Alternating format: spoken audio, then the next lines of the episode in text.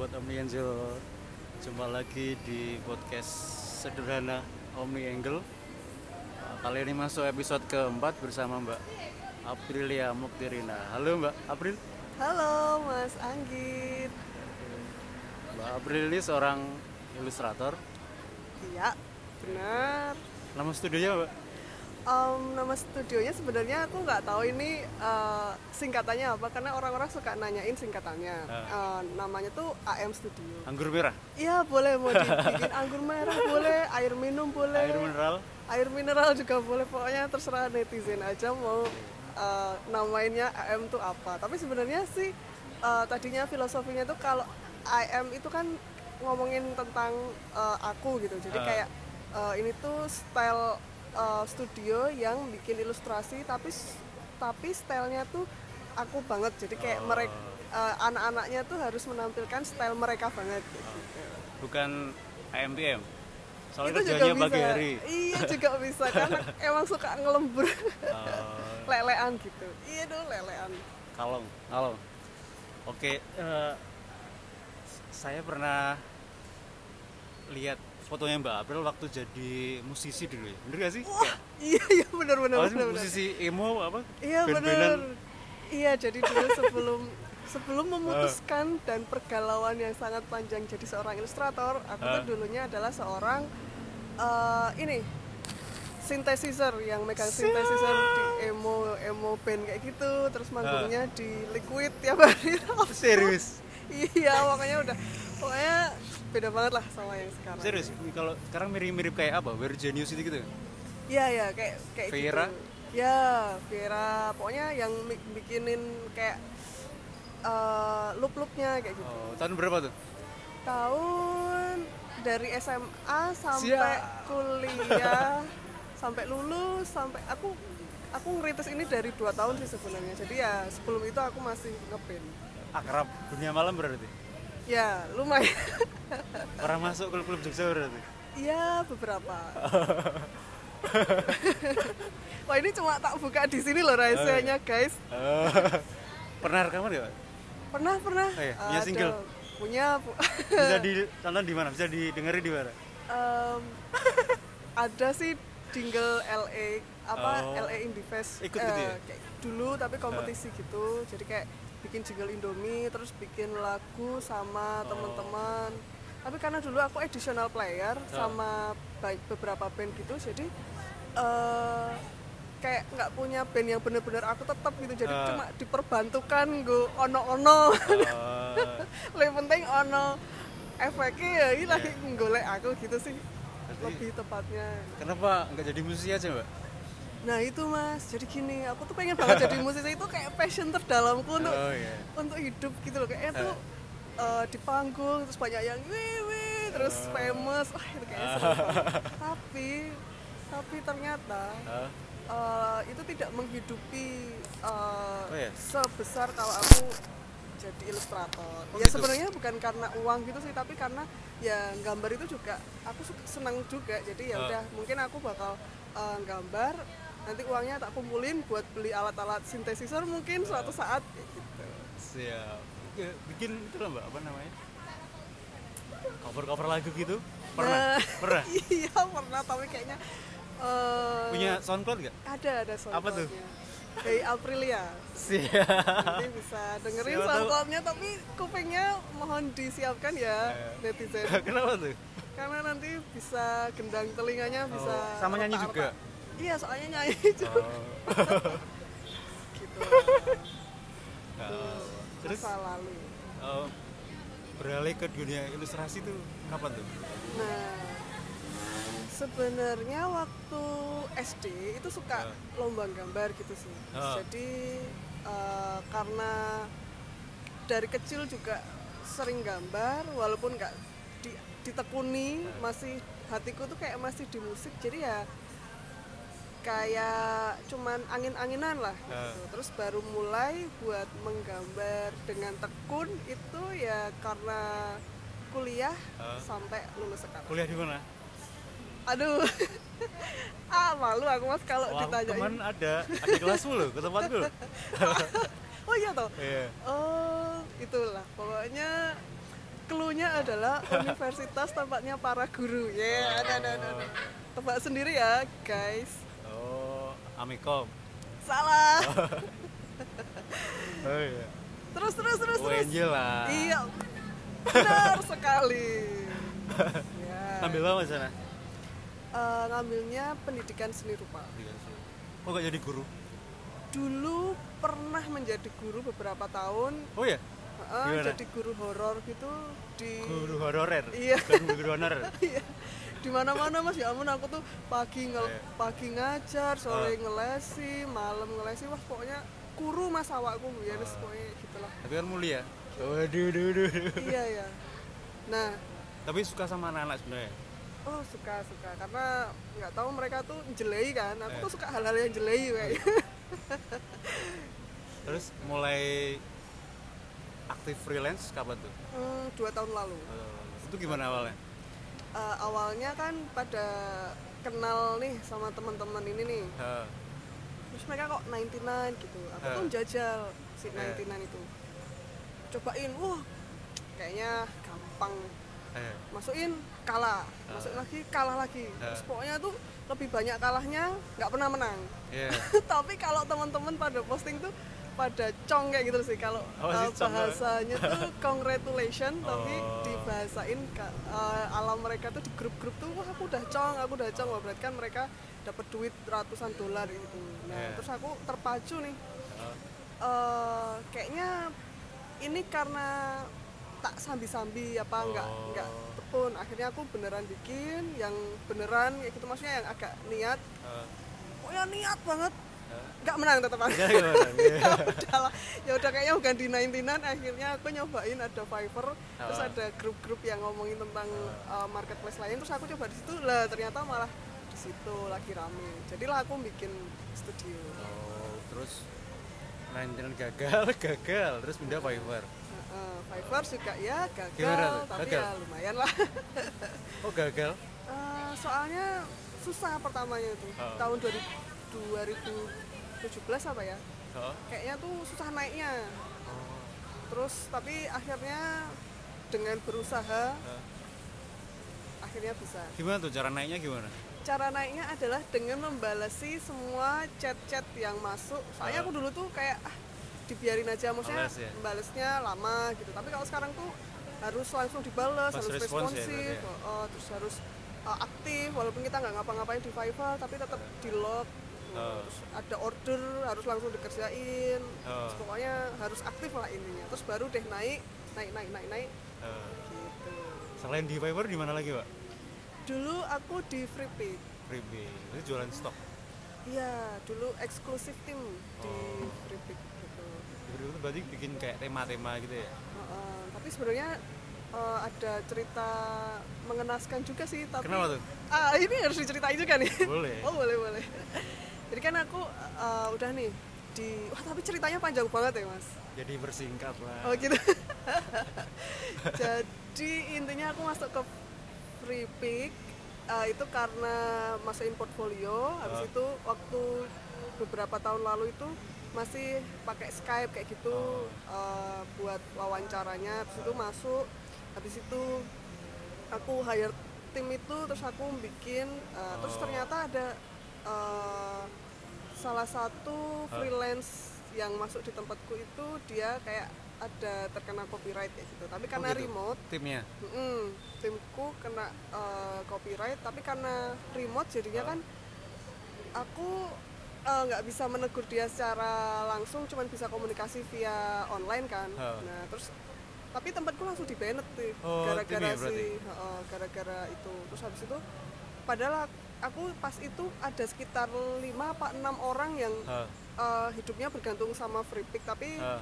karena akunku cuma satu-satunya kemudian di banned terus aku nggak tahu nih nasib mereka gimana Ah. pokoknya kegagalan banget lah habis itu eh, uangnya yang ada di situ pun di lock nggak Ya, bisa keluar ditarik ya? Nggak- nggak bisa ditarik terus habis itu wah ya itu itu adalah saat-saat terdown Ah. harus membayarin mereka Ah. tapi aku eh, akunku di banned terus orangnya yang eh, ikut remote itu kan karena jauh juga gimana aku nggak bisa meminta pertanggungjawaban ya maksudnya aku nggak begitu tegas lah emang.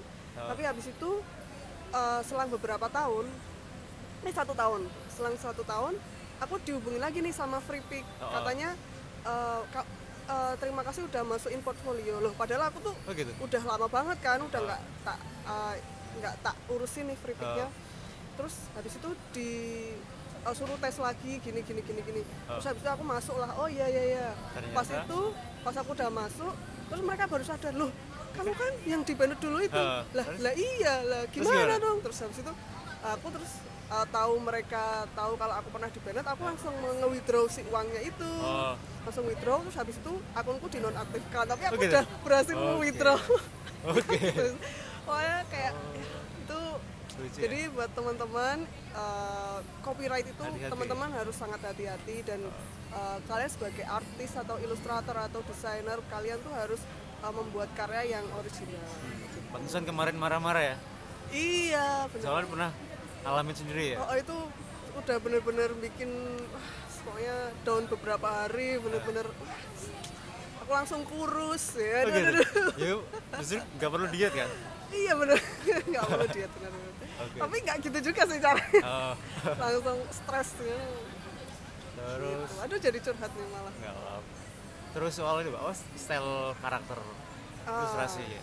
Mbak April ini kayak khas banget gitu. Apa emang dari dulu soal ikut lomba-lomba melukis gitu kayak gitu apa baru nemu-nemu akhir-akhir ini aja? Ah, ah, kalau style itu memang prosesnya tuh panjang banget kayak Ah. selalu ingin berubah kayak gitu dulu aku suka ya emang ah, udah mirip-mirip kayak gitu sih waktu Ah. sanggar-sanggar ya nggak ikut sanggar tapi stylenya emang agak kayak sanggar gitu tapi Emang gimana sih style sanggar itu gimana sih? eh, warnanya tuh campurannya tuh ada hitamnya terus warnanya tuh Oh. gonjreng banget terus Eh, agak naif eh, maksudnya misalnya tangannya tuh nggak yang anatomis banget Ah, tangannya tuh kepanjangan eh, kakinya kepanjangan kayak gitu sih itu yang Oh. style style sanggar dulu style emang sanggar baru dulu waktu ya? kecil kayak gitu Eh. terus kadang-kadang suka suka style yang lain Ah. ternyata tapi gimana ya tapi kalau aku baca-baca memang kita tuh harus punya ciri khas biar kita Ah. tuh gampang dikenal Ah. makanya aku eh, mencoba untuk konsisten Ah. tapi sampai sekarang stylenya tuh kayak merasa merasa belum puas tapi ya gimana Oh. pokoknya harus tetap konsisten Jadi dulu pernah ikut sanggar waktu kecil ya? Eh, bapakku kebetulan guru seni musik dan seni rupa juga jadinya Ah. ya yang ngajarin bapakku Sekarang masih ngajarin nggak? Masih mereview-review kerjaan nggak? Eh, enggak sih Oh enggak. pensiun Direvisi bapak sendiri gimana? Gimana? Direvisi bapak sendiri. Direvisi sama bapaknya sendiri. Oh, kalau waktu kecil itu ya emang galak banget sih aku tuh Ah. gambarnya misalnya lagi gambar ini warnainya Oh. jelek gitu langsung iya tuh Wis, Eh, mbok yo dirampung ke kayak gitulah pokoknya tuh kalau punya pekerjaan harus diselesaikan terus tembok di di rumah itu semuanya dilapisi pakai kertas soalnya aku suka coret-coret gitu Oh. jadi ya waktu kecil udah terbiasa sama alat gambar Oh. gitu sekarang pakai cat yang bisa dicuci itu kali ya? Sekarang ya? Mm-mm, mm-mm. Makanya bapakku dulu tuh batik, gambarnya tuh pakai batik gitu. Oh, gitu? Oh, jadi kayak aku Oh, bantuin. gambar tapi pakai teknik membatik. Heeh. Oh. Jadi aku kadang malah kayak pengen ah aku batik aja ya, ya. Tapi kok keselomot ngene ya. Ya, bikin itu mbak, Heeh. ilustrasi udah bikin batik lucu juga ya. iya, makanya itu tapi kayak nggak ada waktunya tuh lah, kesel. Terus akhirnya membuat tim pada tahun berapa mbak?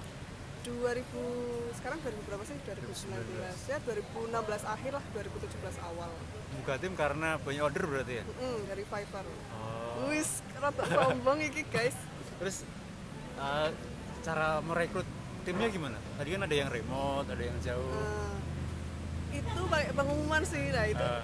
Hmm, aku masih ber- belum berpengalaman langsung gawe pengumuman iso main pede banget ya Eh. gitulah ya itu loh itu caranya Interview orang-orangnya enggak? Eh, pakai portfolio Ah. habis itu interview tapi cuman via telepon gitu cuman pokoknya ya, nggak. Berapa orang timnya mbak?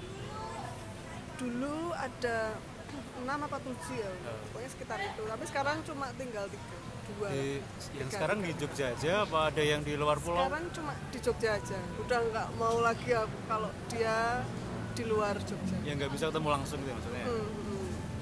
kalau di dalam kota kan misalnya seminggu sekali apa apa kayak gitu bisa Eh, briefing jadi bisa progresnya sampai mana itu masih bisa Oh. dipantau Cewek-cewek semua apa ada cowoknya? iya sih cewek semua Oh. ada sih satu cowok tapi dia tuh kayak eh, sekarang lagi bantuin di studio lain jadi aku masih agak bingung Kumoro eh, ya? Sana. ini masih ini gimana ya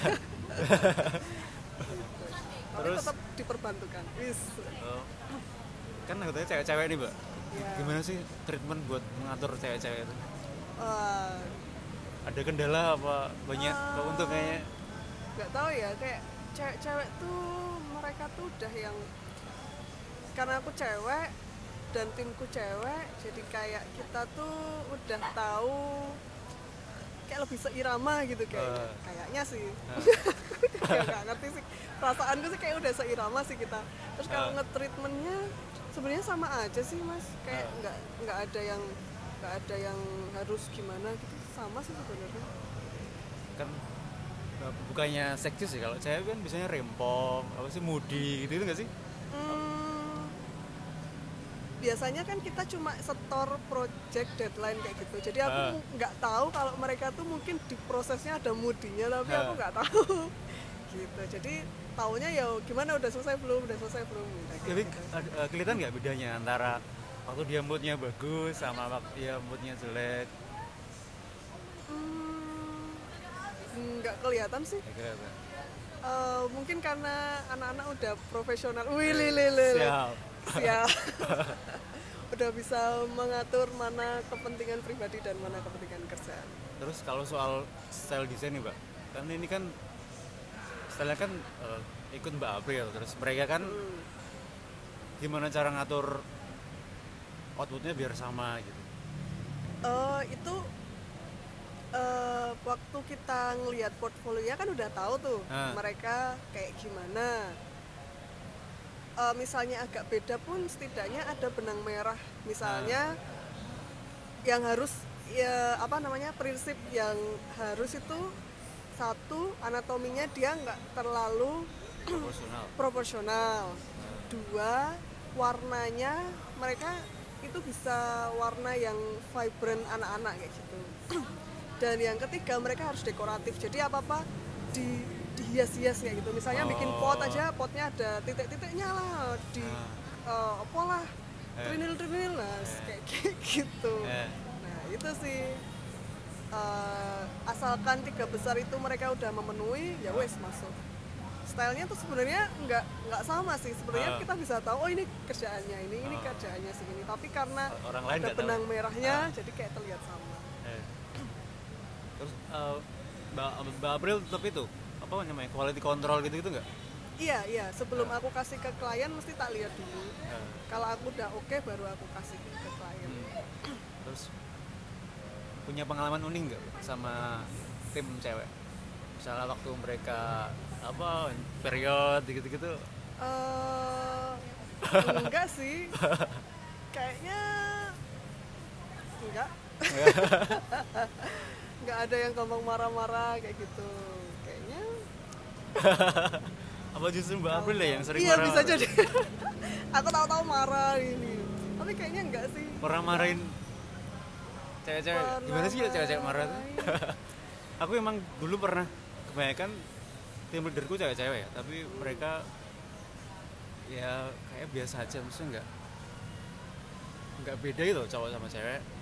Maksudnya Hmm. cara nanganin membernya itu perasaan sama aja. Kalau Mbak April gimana Eh, kayaknya sebenarnya sama aja sih mas enggak Hmm. yang enggak yang ngamuk-ngamuk gitu gimana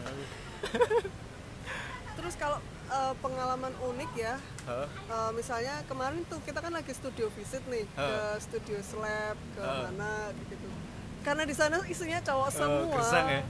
Gersang. Uh. terus kita cewek-cewek datang brol kayak gitu terus langsung ya Wow, gitu wow. langsung wow, wow, wow, kayak gitu kayak ya ya nggak apa sih ya namanya mereka cowok semua sepasukan gitu terus ada kumpulan cewek datang gitu tapi ya nggak apa cuman buat asik-asikan aja itu lucu aja sih kayak gitu aku malah jadi pengen Hah? eh, ngajakin lebih banyak cewek lagi buat gabung gitu Ah. kayaknya biar seru ya kayak seru gitu Eh. soalnya tuh kita tuh kayak kayak nggak ada temennya misalnya nih ini sekarang Ha. lagi di acara setiap Rabu kan ada rebonan eh, teman-teman kreatif online designer kan pada kumpul Ha. ya itu yang cewek kayaknya mungkin Ha. cuma bisa dihitung pakai jari Jadi kucing ya kadang-kadang sering mbak itu eh, jomblo nggak itu dia kayak gitu lah siapa yang jadi mak jomblo Iya. tapi ya Iya dulu temanku ada sih yang waduh Ya, malah ada, ada. Siapa siapa mas?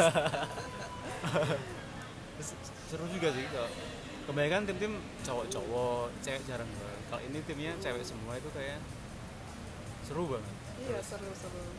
terus a- a- treatment apa yang Mbak April lakukan biar makin kompak cewek-cewek itu Em, kadang-kadang kita ketemu, Nah. terus kemarin ngasih kalau yang dia gambarnya bagus apa sebagai penghargaan tak kasih kayak stationery lucu-lucu Oh, gitu. kayak gitu. Iya Nah, sih, itu mereka kalau- langsung ah gitu. kalau cowok kan geli juga kan ya gitu ya Kalau cowok mungkin geli "Ih, apa nih? Iya. Tapi kalau warna-warni cewek langsung ih unyu unyu gitu. Sesuai sama stylenya yang unyu unyu. kalau yang kembali ke soal ilustrasi Mbak, Mbak April jualannya di satu tempat atau menyebar gitu nggak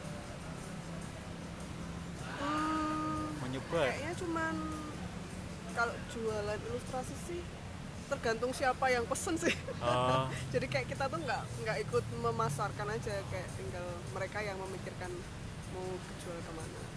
berarti nggak nggak nyobain nyetok lagi Nah pengen sih mas, Nah. tapi kadang tuh kerjaan buku tuh kayak numpuk banyak banget. Tapi itu akan jadi plan ke depan pengen bikin merchandise juga. startup tuh kerjaannya bikin apa aja tuh mbak bikin buku, packaging, terus eh,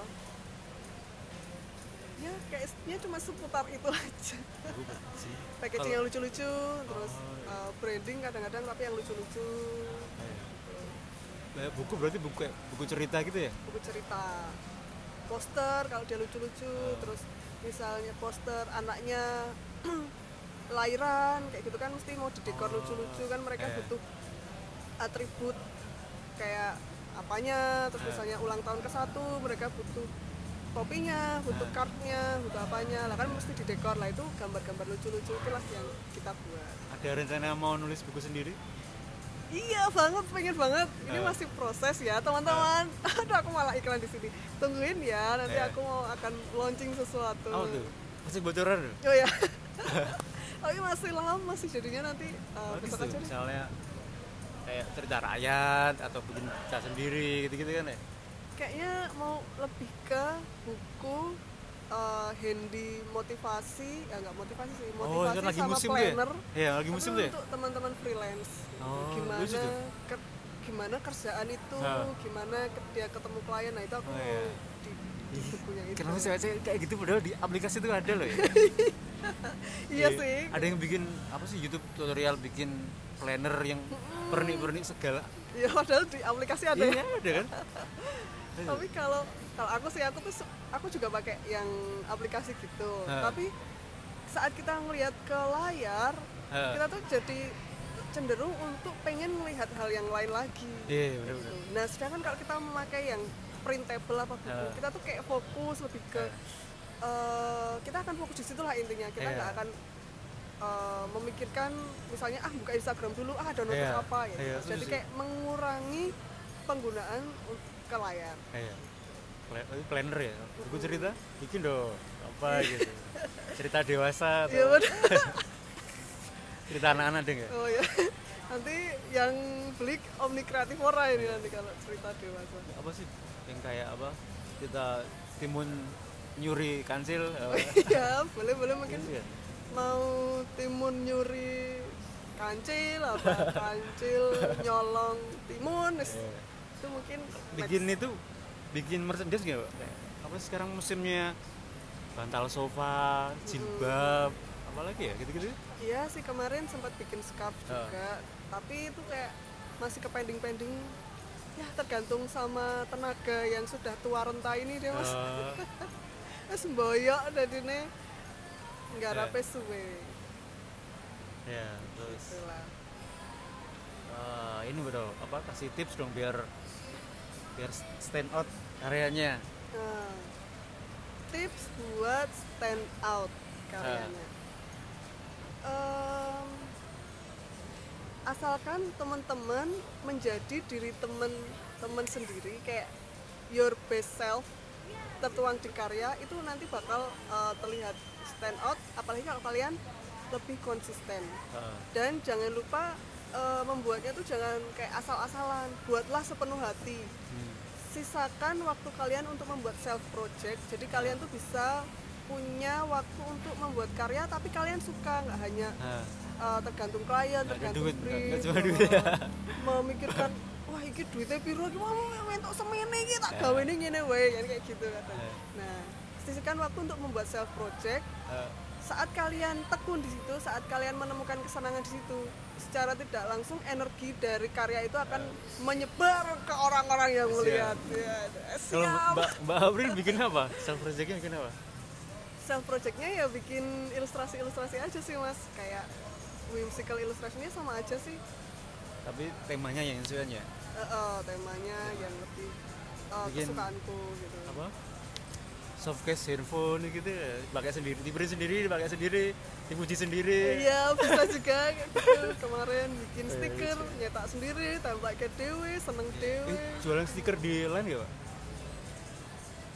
Enggak. Ah, tapi ada udah bikin kayak bikin beberapa tapi nggak tahu caranya. Ah. ya om bodoh banget. Bentar ya guys nanti aku tak browsing deh cara jualan stiker di line lumayan loh Hmm, apa bikin komik? Komik strip ya.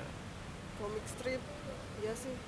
Banyak banget sih sebenarnya Eh. ini yang terpikirkan Eh. tapi waktu tuh kadang Eh. kita itulah mas. Nah ini. Kan tadi mau bikin apa time management planner apa sih namanya? Buku apa? Ah, planner. Ya tips-tips mbak April gimana? Kemarin lihat post di mana gitu? Yang Senin apa Oh, Selasa iya. apa itu jadi aku tuh eh, semua kerjaan tak taruh di Google Calendar Ah, Nah, itu tak tunjukin. Oh, nggak kelihatan ya guys ini ya. Kalian bisa membayangkan di sini aku ada Google Calendar. Setiap pekerjaan itu aku eh, tulis di situ misalnya Iya. jam 8 sampai jam 9. Itu ngapain, ngapain Eh. tapi harus dijamin, harus Iya. dikasih jam.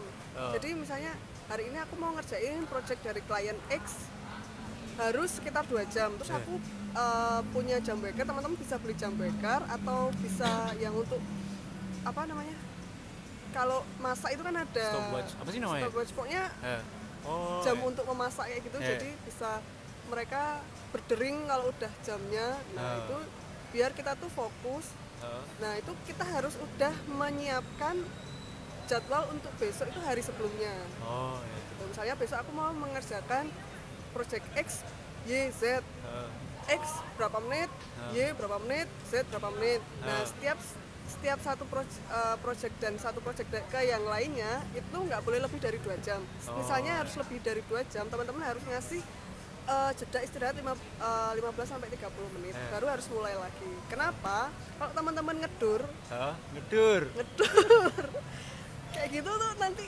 eh, energinya habis, terus teman-teman nggak bisa menggambar lagi untuk yang proyek kedua. Jadi jadi eh, dalam satu hari tenaganya tuh dihabiskan untuk proyek pertama. ya Nanti tengah hari apa agak sore kalian udah nggak punya tenaga buat gambar. Nah Oh. jadi setiap dua jam maksimal dua jam atau satu setengah jam teman-teman harus istirahat 15 sampai 30 menit ya lari-lari atau ngapain ya gitu baru boleh mulai lagi. kalau nggak salah namanya Odomoro teknik Eh, kalau Beda? Podomoro tuh kayaknya setiap 25 menit Oh, gitu. apa kayaknya rentang waktunya lebih dikit tapi kalau Oh. menggambar tuh kayak lebih panjang soalnya kita tuh kalau udah terlanjur gambar kira iso mandek kayak Iya. gitu ya. sehari Bisa aja kerja berapa jam mbak 8 sampai 10 jam tapi di bisa-bisa jam waktunya waktu kerjanya Eh, dari jam mulai start itu jam 10 sampai sore nanti mulai lagi jam 7 sampai malam Ya. terus cara menjaga mood gimana mbak cara menjaga mood aku harus lihat Pinterest dulu. Jadi gitu. kalau aku misalnya nggak mood, terus kita lihat Pinterest apa karya teman-teman yang lain, kita tuh langsung wah semangat lagi. Gitu. Apalagi lagi enak-enak, eh, lagi nggak mood, terus nanti lihat di Twitter, wah Mas Anggit lagi posting ini nih, woi aku langsung semangat, aku langsung jadi Oh. gitu posting lah. posting sama pak gitu. Ya. Kalau tempat kerja mbak April punya setup tersendiri nggak? Eh, yang penting ada kopi sih, udah. Sama kopi ya? internet kenceng, Ya. gitu aja. Saat sekarang apa namanya lagi musim tuh kayak apa sih namanya ke kafe ini kafe itu sering lihat updatean mbak April lagi ngopi di mana. Itu- atau nanti kasih apa namanya popok WW gitu. Apa tuh jimat. Enggak nih enggak enggak enggak Apa guys. Oh itu? Ya ya mas nggak tahu popok WW waduh. Enggak ya? itu adalah jenis popok Hah? dari seorang WW Ya? yang kata orang Jawa itu tuh eh, jimat. Buat apa? Nggak tahu sih. Nggak tahu nggak. Wes skip ya guys. Gitu. oke. Pokoknya intinya ada kopi aja sama ini sih Ya. sama wifi kenceng Iya. Terus apa namanya? Eh, kan Mbak April ini kan ilustrasi itu kok apa ada step-step gak sih kayak yang waktu kayak kalau UE itu kayak wireframe terus apa? Kalau ilustrasi itu gimana tuh proses kerjanya? kalau proses kerjanya pertama tuh bikin kan ada brief nih Iya. cerita kita nanti akan uh, membreakdown itu akan menjadi berapa halaman Eh, setelah itu kita bikin karakternya dulu misalnya tokoh utamanya dia oh ini orangnya galak Oh. terus yang satu orangnya blegadus ya Eh. gitu apa yang satu orangnya wah jelei kayak gitu kan Eh. kita bisa membuatnya dari raut mukanya Oh. posturnya setelah kita bikin karakter yang kedua adalah bikin storyboard Oh. jadi flow antara halaman satu ke halaman kedua itu kayak nggak Smooth. nggak heeh, nggak jeglek iki opo kayak gitu. Jadi harus yang smooth enak anak-anak bisa paham. Nah habis itu setelah eh, karakter udah storyboard udah eh, nanti diajukan ke klien. Kalau klien oke baru kita eh, ke coloring. Setelah coloring kadang-kadang ada satu lagi kalau misalnya itu benar-benar project yang agak premium kayak gitu kita akan membuat file testing dulu. Jadi si gambarnya itu aku tes ke anak-anak apakah mereka ma- paham apakah mereka bisa tahu yang digambar itu apa Iya. nah kalau udah oke baru di finishing baru di proofing untuk cetak Oh, ada itu ada treatment khusus nggak? Yang untuk kebutuhan cetak sama kebutuhan layar. itu semuanya di aku sih Ah. masih sebenarnya pengen hire hiring karena itu agak pekerjaan yang susah juga Hah. tapi ya masih belum- Bedanya apa sih mbak kalau buat cetak gitu kalau ilustrasi? Ya mereka harus pertama harus CMYK sih terus Ah. nanti eh, ting- hitamnya itu harus paling enggak C-nya 30, M30, Y30, K nggak boleh lebih dari 100 gitu. Oh. Jadi ada eh, proporsinya, kemudian ada bleeding. Apa tuh? Bleeding itu Oh, kalau tepi kiri eh, kanan tuh ya? eh, eh, tepi-tepinya harus Nah. paling enggak 0,5 mm biar pas di di pon kayak gitu nggak Iya. ada yang kepotong figurnya. Jadi kita harus membuat bleednya juga Eh, habis itu bikin spin buat tengahnya berapa ketebalannya biar nanti si covernya tuh bisa ngepas kayak gitu sih pernah ini nggak?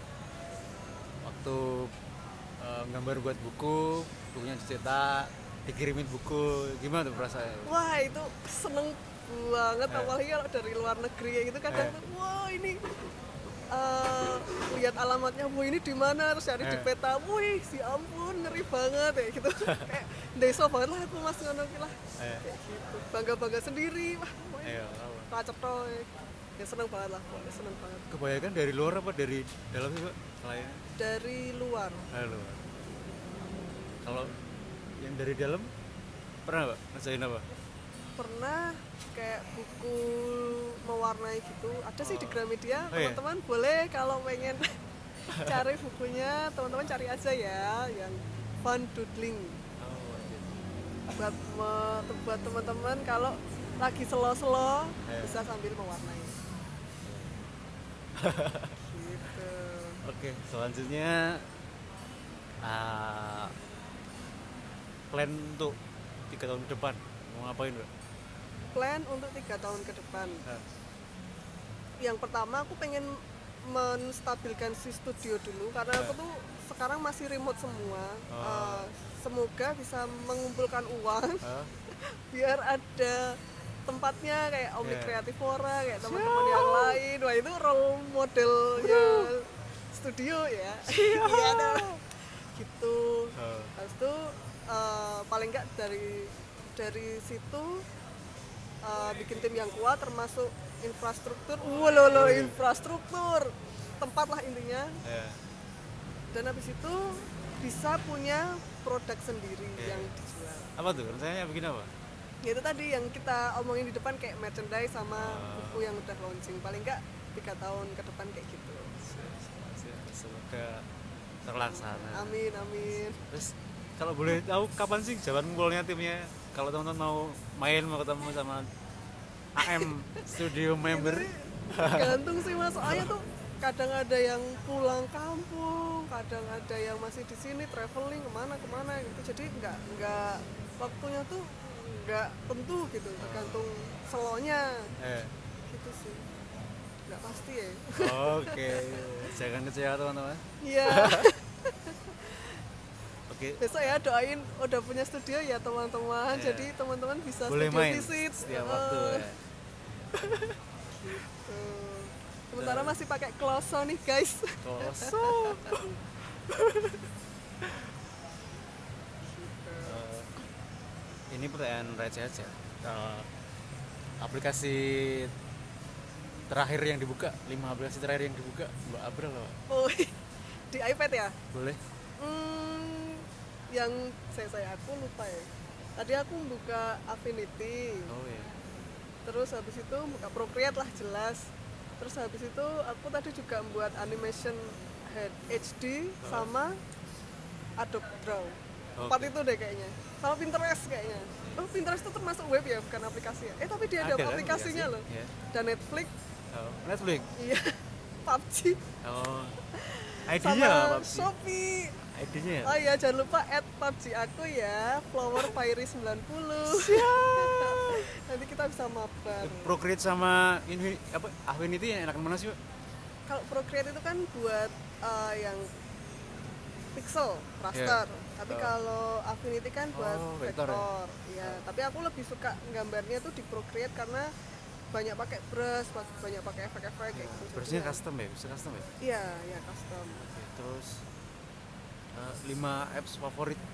5 apps favorit Pertama jelas Procreate Oh, nggak mungkin Duta enggak. Procreate ya? Heeh, Duta Procreate cabang Bantul eh, ya, habis itu Netflix oh, ya.